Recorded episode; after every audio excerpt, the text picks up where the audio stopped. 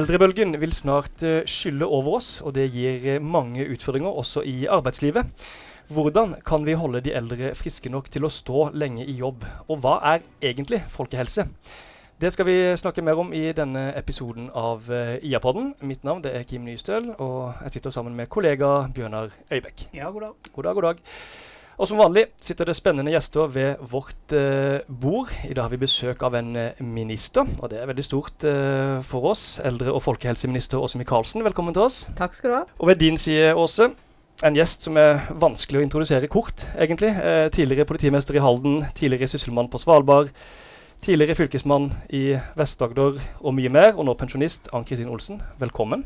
Takk. Og Vi må nesten begynne med ministeren, når vi har eh, en minister eh, på plass. Den aller første eldre- og folkehelseministeren fra januar eh, i år, faktisk. eh, Åse Michaelsen. Hva er folkehelse?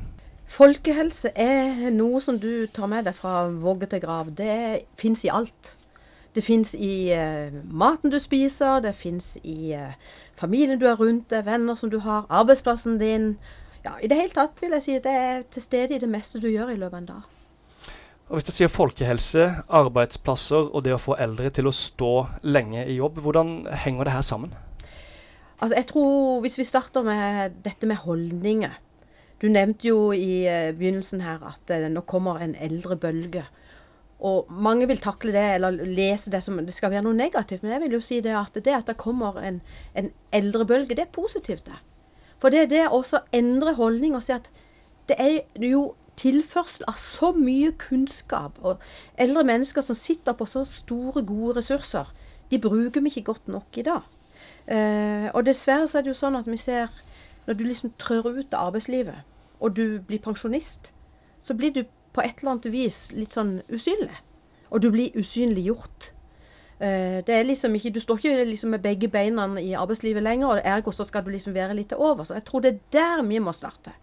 Det at livet ofte blir delt i tre. Du har altså fra, fra fødsel til rundt 30 år, da, da vokser du opp og du tar utdanning. Og så har du fra du er 30 år til du er 60, da står du og danner familie, og du er i arbeidslivet, og det er liksom toppen av det meste.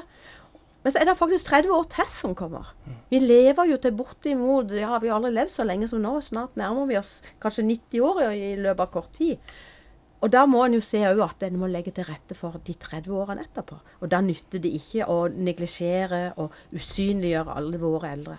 Og de 30 åra, hvor viktig har de vært for du eh, i, starten som eh, eldre- og folkehelseminister? Tenkte, hvilke 30 år tenkte du på da? De 30 siste åra vi snakka om nå. Du sa at eh, vi deler livet i epoker. Ja. Nei, altså det, er jo mer jeg har sett på dette, jo mer har jeg sett at uh, veldig mye handler seg om de to første to tredjedeler. Mm. Alt dreier seg om det. Mens den siste blir nesten ikke omtalt. Og så har vi lett for å lage en sånn slags skjema som skal passe alle. Altså eldre blir sånn sekkepost. Nå er du eldre. Punktum. Det er liksom ikke noen variasjoner på det. Vi er ikke forskjellige liksom da. Du opphører å, å, som, som å være et individ, et enkeltindivid med behov og ønsker og kunnskap og gleder og hva du måtte ha for noe. Du er bare plutselig inn i en sekk. Da heter du eldre. Og hvis en ser på næringsliv, f.eks., så er det jo mange som har gjort sånn undersøkelse på, på marked. Hvem, hvem er de prater? Jo, de prater til unge, de prater til barn, de prater til voksne som jobber her og der. Og så er det liksom én undersøkelse som ser på hva er det de eldre er opptatt av. Altså Det sier litt om holdningene. Så la oss nå starte med holdningene, dere. La oss starte med holdningene. Ann-Kristin Olsen, du har stått eh, i arbeidslivet i veldig mange år. Nå er du pensjonist. Ja, nå er jeg blitt pensjonist. De 30 årene er jo lange som eh, Du har vært lenger i arbeidslivet enn det, men hvis vi deler sånn røftlig igjen eh, Den siste delen eh, som du var i arbeidslivet, hvordan, eh, hvordan var det å være arbeidstaker som såkalt eldre arbeidstaker? Ja, du vet, jeg har jo, mitt liv eh, de siste par tiårene har jo vært et liv som sjef. Mm. Og det har vært eh, veldig interessant. Og jeg tror det er mye lettere å bli eldre hvis du er i en sånn posisjon at du, du føler at du har gjort en karriere, du har eh, gode relasjoner til de du skal samarbeide med, og at du liker deg og trives i en lederrolle.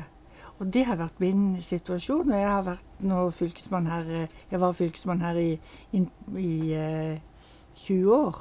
Innpå 20 år. Um, og, og det var uh, spennende. Og jeg følte egentlig ikke at uh, alderen tynget. Jeg var veldig glad da jeg pga. at Agder fylkesmannsembetene på Agder ble slått sammen, så fikk jeg lov å jobbe litt lenger enn jeg, til jeg fylte 70. Jobba ut det året jeg fylte 70. Og det var jeg veldig fornøyd med. Men så må man jo innrette seg. sånn at jeg gikk av med pensjon og var i grunnen fornøyd med det òg. For man må planlegge litt, og så må man erkjenne at de overgangene, de har Du kan styre en god del av de eh, holdningene du har til det sjøl, tror nå jeg. Og hvordan, eh, eh, hvordan gjør du det? Altså hvordan eh, styrer du de holdningene?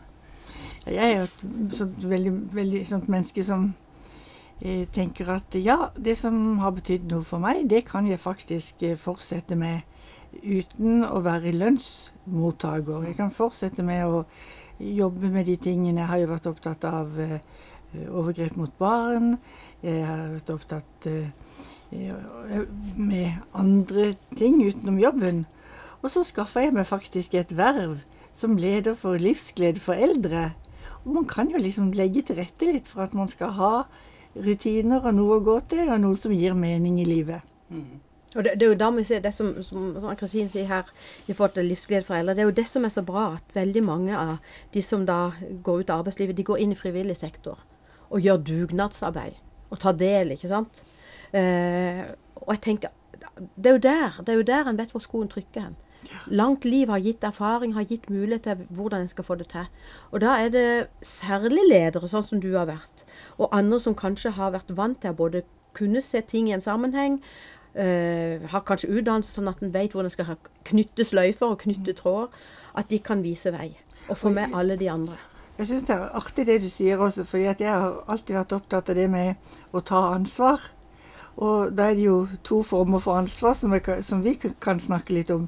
Eh, samfunnsansvaret. Du sitter som ansvarlig statsråd. Men det er jo også viktig i Norge i dag at den enkelte tar et ansvar. Og der kommer frivillig sektor inn for fulle mugger. Og jeg er så opptatt av at eh, vi satser på at vi skal styrke frivilligheten i Norge på mange plan. Og at den enkelte eh, sjøl føler at ja, det er faktisk mm. ikke godt nok bare å tenke på seg og sine. Mm. Man har et ansvar utover det, mm. også individuelt. Og jeg syns det du sier der, det er faktisk noe av det viktigste. For nå har vi jo hatt en veldig varm sommer.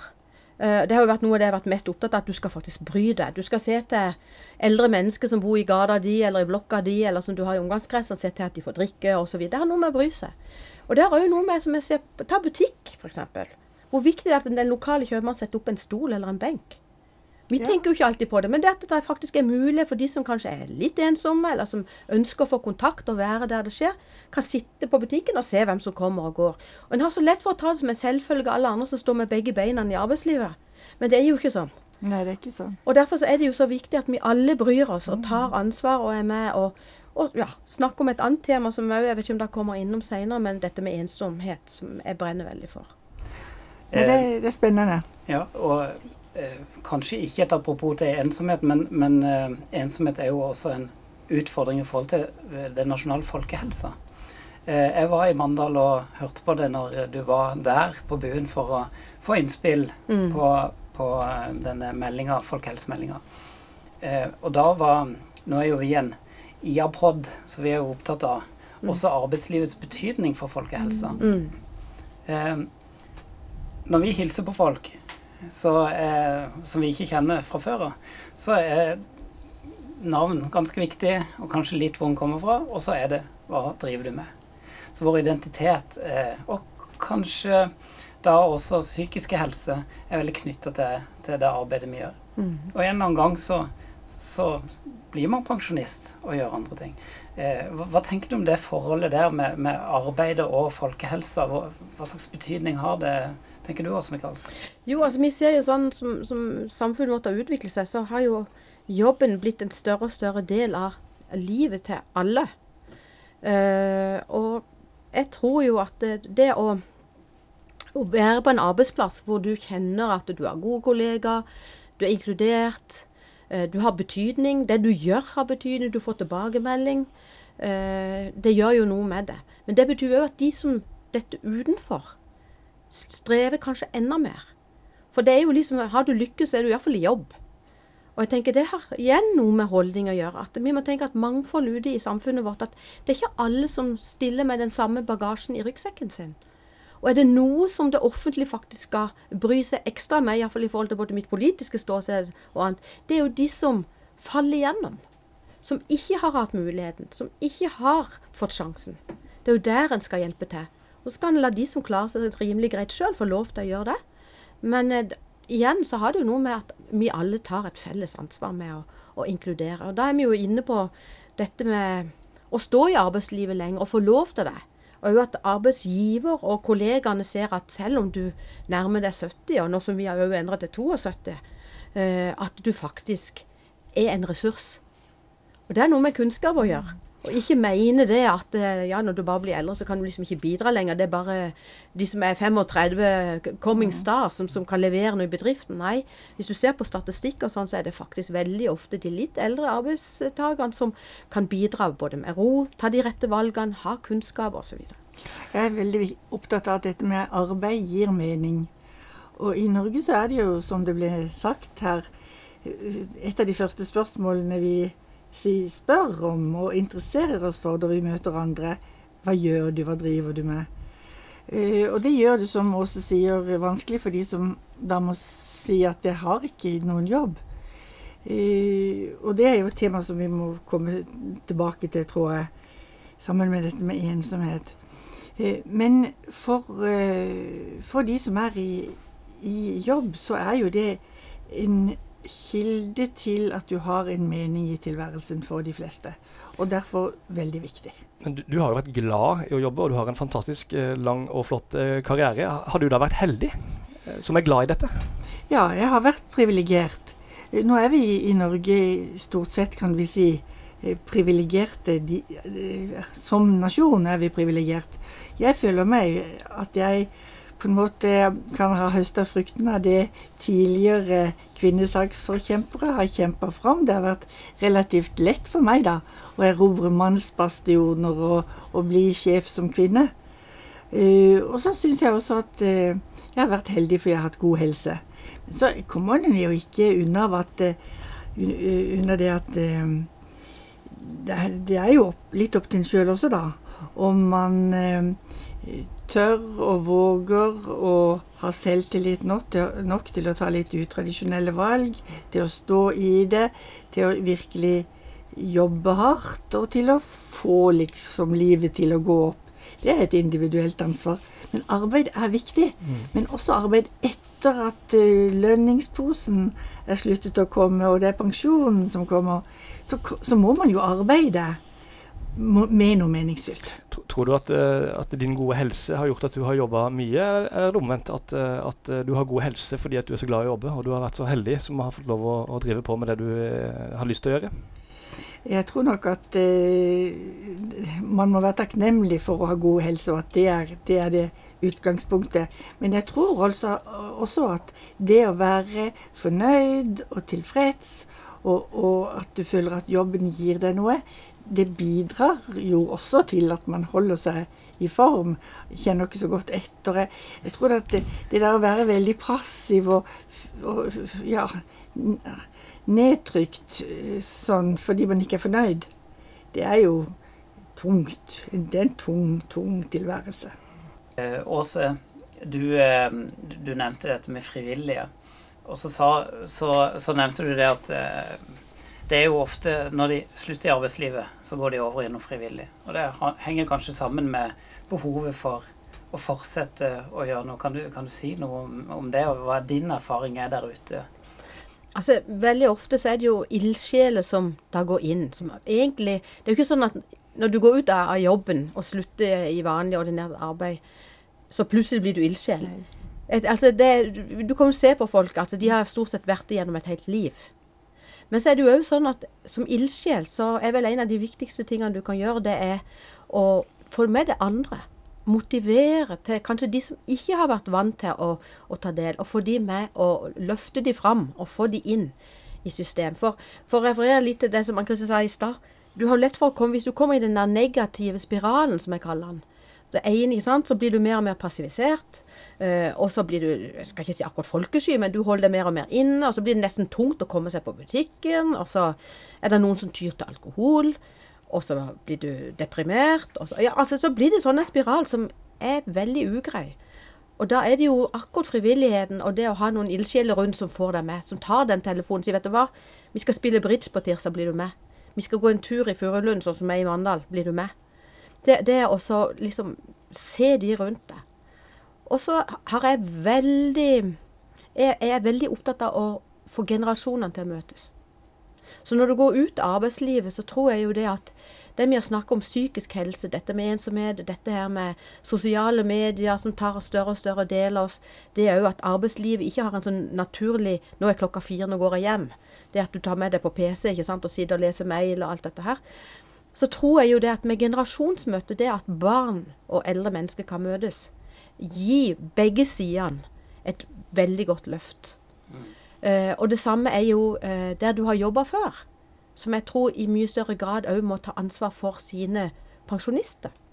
Og få de til å samles, så de kan møte på, på gamlejobben kanskje så Da skal ikke jeg si hvor ofte, da, men at det skjer noe. At du som arbeidstaker ikke føler at OK, nå er det ingen som ser meg lenger. De husker ikke engang at jeg sto der, eller at der, der hang kroppen min, for å si det sånn. For du er en del av disse her. Og vi diskuterte jo dette her litt med i Kristiansand her med eldre menn særlig, som er veldig ensomme. Det å finne flokken sin. For du har jo hørt til flokken før, når du var på jobb. Når du var i arbeidslivet. Ikke sant? Når du, ja. Når du var i arbeidslivet. Og det tror jeg jo at det er mange som kan tenke litt over det. At å få inkludert de som Selv om du har gått ut av det ordinære arbeidslivet, så er du en del av, av gjengen på jobb. Og vi, er jo, det. vi er jo også friske. Vi har jo aldri vært, hatt så mange friske eldre eh, i eh, Norge i dag.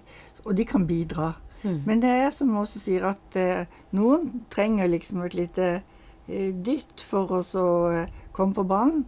Og jeg tror egentlig at eh, hvis vi eh, eh, passer på at vi ikke får den der sekkebetegnelsen eldre, men at vi passer på å behandle hverandre som de individer vi var og ble ansett som tidligere, Mm. ikke som en eldre som nå skal eh, være lik en masse. Eh, så tror jeg at, vi er, at det er et godt, eh, et godt skritt på veien. Sissel Gran eh, har skrevet litt om dette med at man blir usynlig. Mm. Hun skrev at hun opplevde det da hun ble sånn 60 år gammel.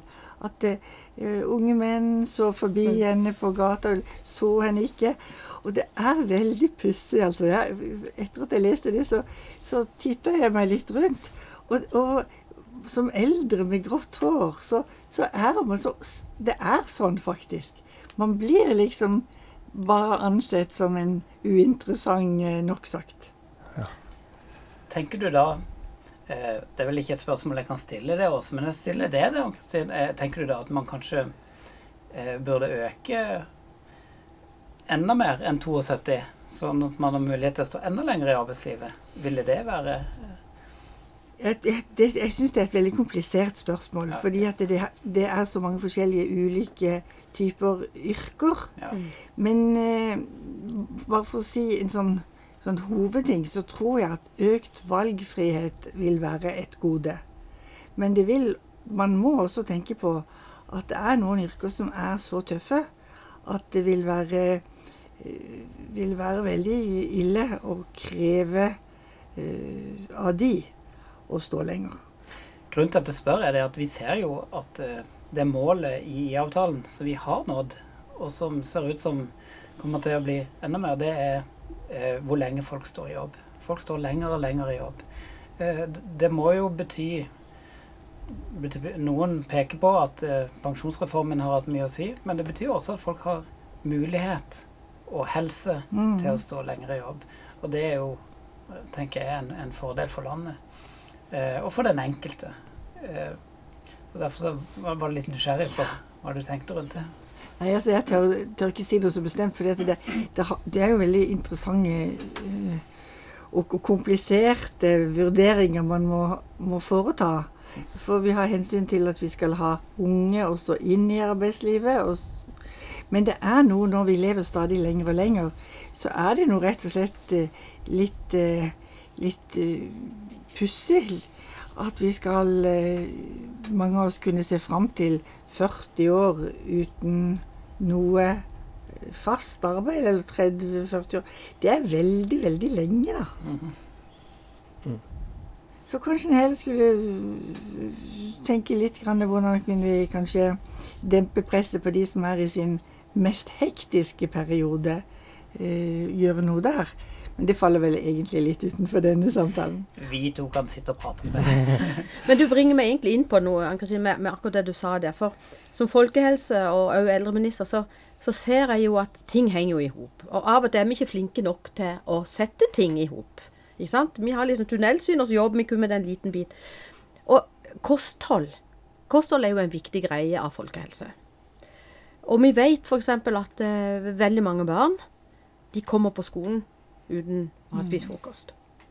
Så har jeg gått og knadd litt på dette her. Så vet vi det at OK, det er jo foreldrenes ansvar å sørge for at ungene får spist frokost før de går. ikke sant? Eventuelt setter vi iallfall fram frokost før foreldrene går på jobb.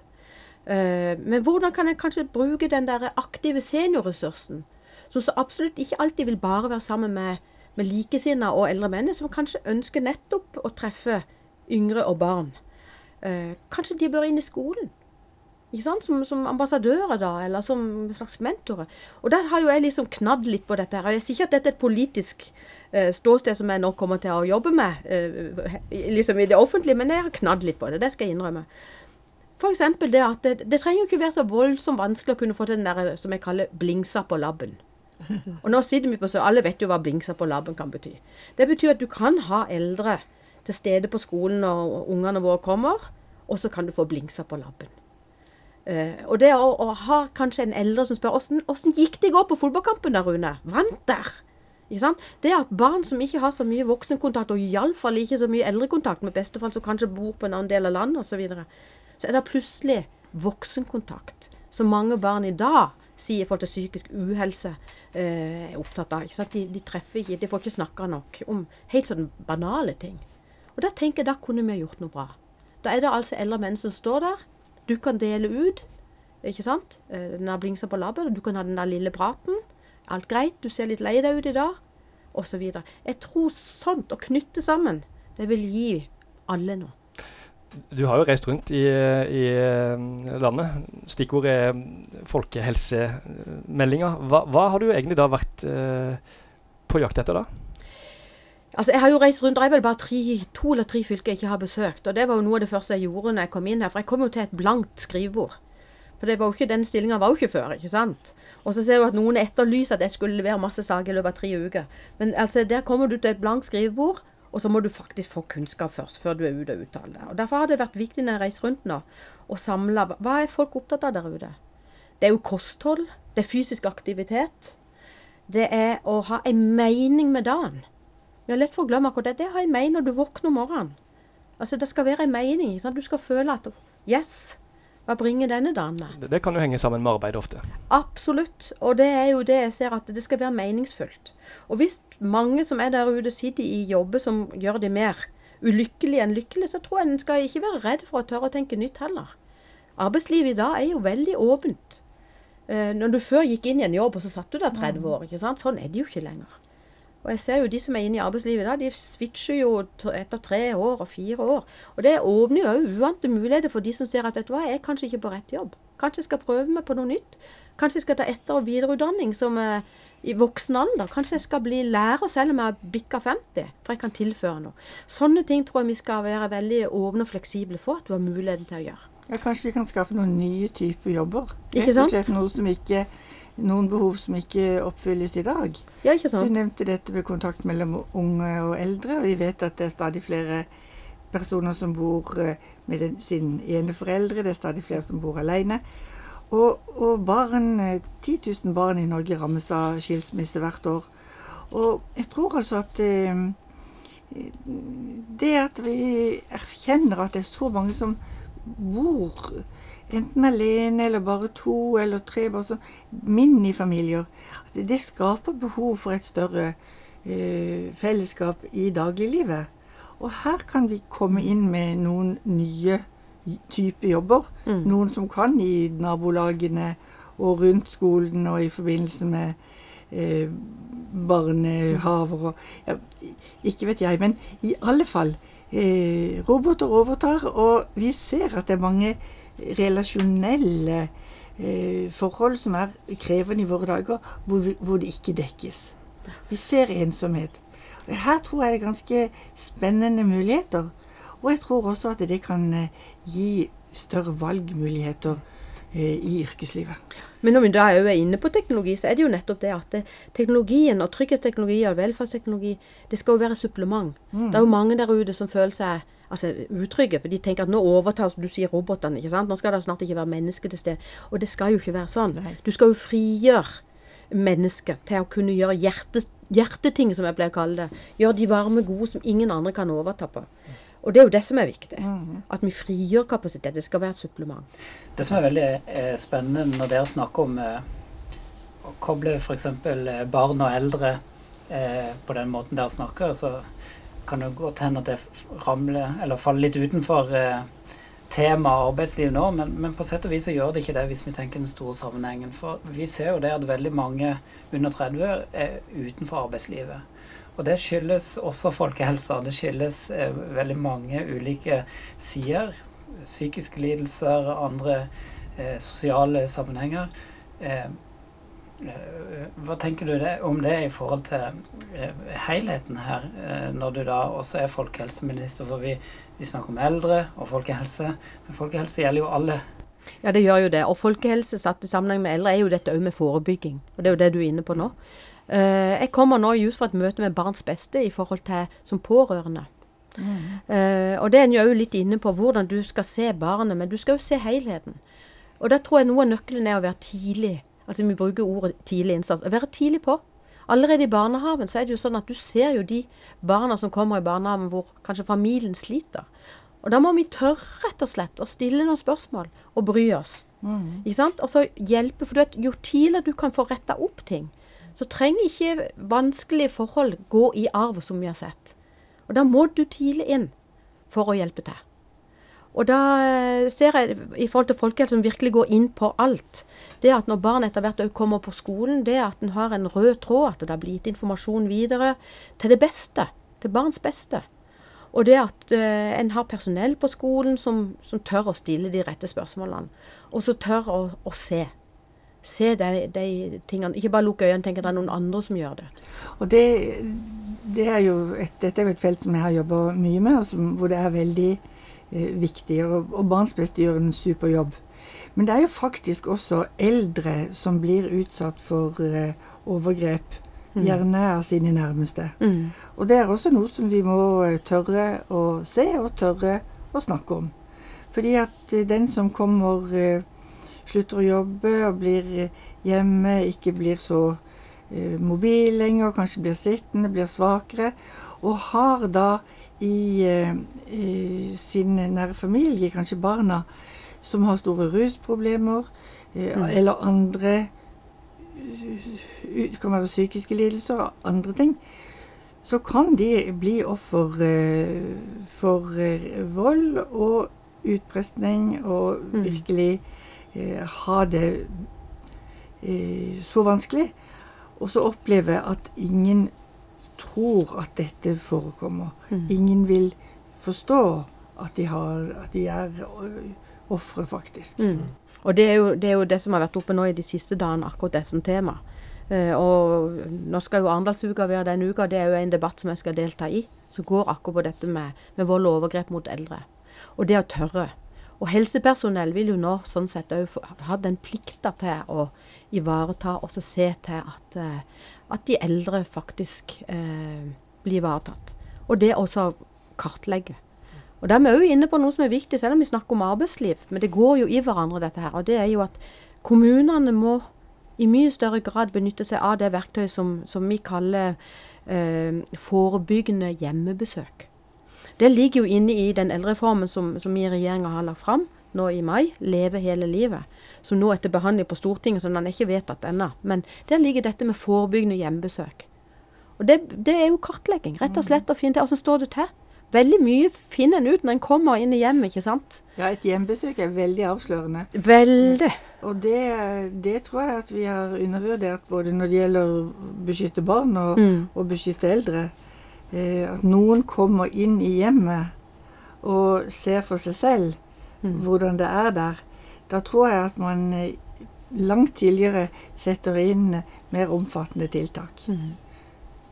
Og så er det en ting som jeg tenkte å si, vi skal snakke om arbeidsliv. For det er jo det, dette er jo en, det er jo det egentlig hovedbiten dreier seg om, knytta til folkehelse. Så syns jeg det er veldig interessant uh, dette her i forhold til sykemelding som Mandal har testa ut. Det at eh, hvis du blir fulgt opp mye tettere, hvis du får den der telefonen fra lederen din som sier 'Hei, Kari. Jeg ser du har ikke vært på jobben i dag i går. Går det greit med deg? Noe jeg kan hjelpe deg med? Hvordan ser det ut?' så føler du jo et helt annet ansvar enn det at du bare vet at der sitter noen som egentlig nesten ikke vet hvem du er, og bare krysser av 'OK, Kari kom ikke på jobb i dag'. Og det igjen har noe med å bli sett. Så det er jo ikke bare eldre, det er jo ikke bare barn, men det er jo den arbeidstakeren å bli sett. At du er savna på jobben. Og det at du føler at det er noen der som kanskje må slite litt dobbelt pga. at du ikke kom på jobb, og du kjenner fellesskapet. ikke sant? For du er vant til å sitte der med, ja, i pauser og, og vet at det er noen andre kanskje som må gjøre din jobb. Jeg tror det er der, det er der fellesskapet. Ja, jeg tror også at vi, det å ikke være del av et fellesskap, Mm. det å altså ikke føle seg sett og anerkjent, Mm. det, det, da blir du jo syk. Mm. Og da er vi i gang med denne Spiralen. sirkelen. Ja. Og, og hva, hva skal man gjøre da? Da skal man i alle fall ta kontakt, holde kontakt, og ikke overse og ikke bare kjøre videre. Og ikke sånn som man eh, egentlig trodde før. Mm. At det var viktig at de ikke ble forstyrret, at de fikk eh, komme seg. At det var liksom litt frekt å ringe opp. Mm. Men, men eh, nå ser vi jo og har forskningsbelegg for Mm. at det er feil. Det er best å holde kontakt, og det er eh, eh, Ja, så finne restarbeidsevne, f.eks. Ja. Det er jo ikke sånn at det tar noe i forhold til helsefagarbeidere, sykepleiere, alle sånne jobb i pleie- og omsorgssektoren i kommunen. Eh, så er det jo sånn at en ser at det er jo alltid noe du kan gjøre. Om ikke du kan ta tunge løft og du har litt problemer i ryggen, og sånt, så er det kanskje andre ting du kan gjøre. Og det er jo til ditt beste for deg sjøl òg, at du er, du er i svev, ikke sant? Nei, for vi er jo ikke av eller på. Men sånn var, sånn var tenkingen før. Var du sykemeldt, så var du 100 sykemeldt. Mm. Jeg kan iallfall ikke huske da jeg i begynnelsen av mitt arbeidsliv at det var noen andre varianter av det.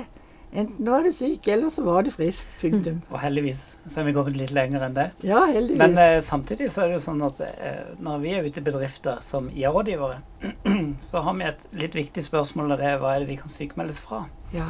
Og det er jo bare arbeidet. Men det er jo ikke Når vi nå snakker om folkehelse, så er jo det hele livet. Mm. Eh, det er ikke bare, folkehelse er ikke bare når jeg er på trening eller noe sånt. Det er faktisk alt jeg gjør. Mm. Hvor mye jeg sover. Alt.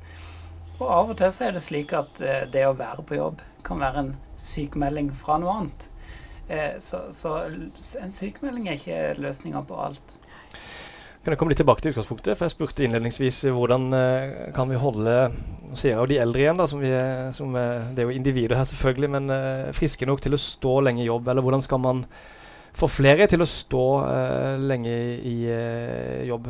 Hva, hva, hva tror dere er riktig eh, medisin og riktig tanke framover?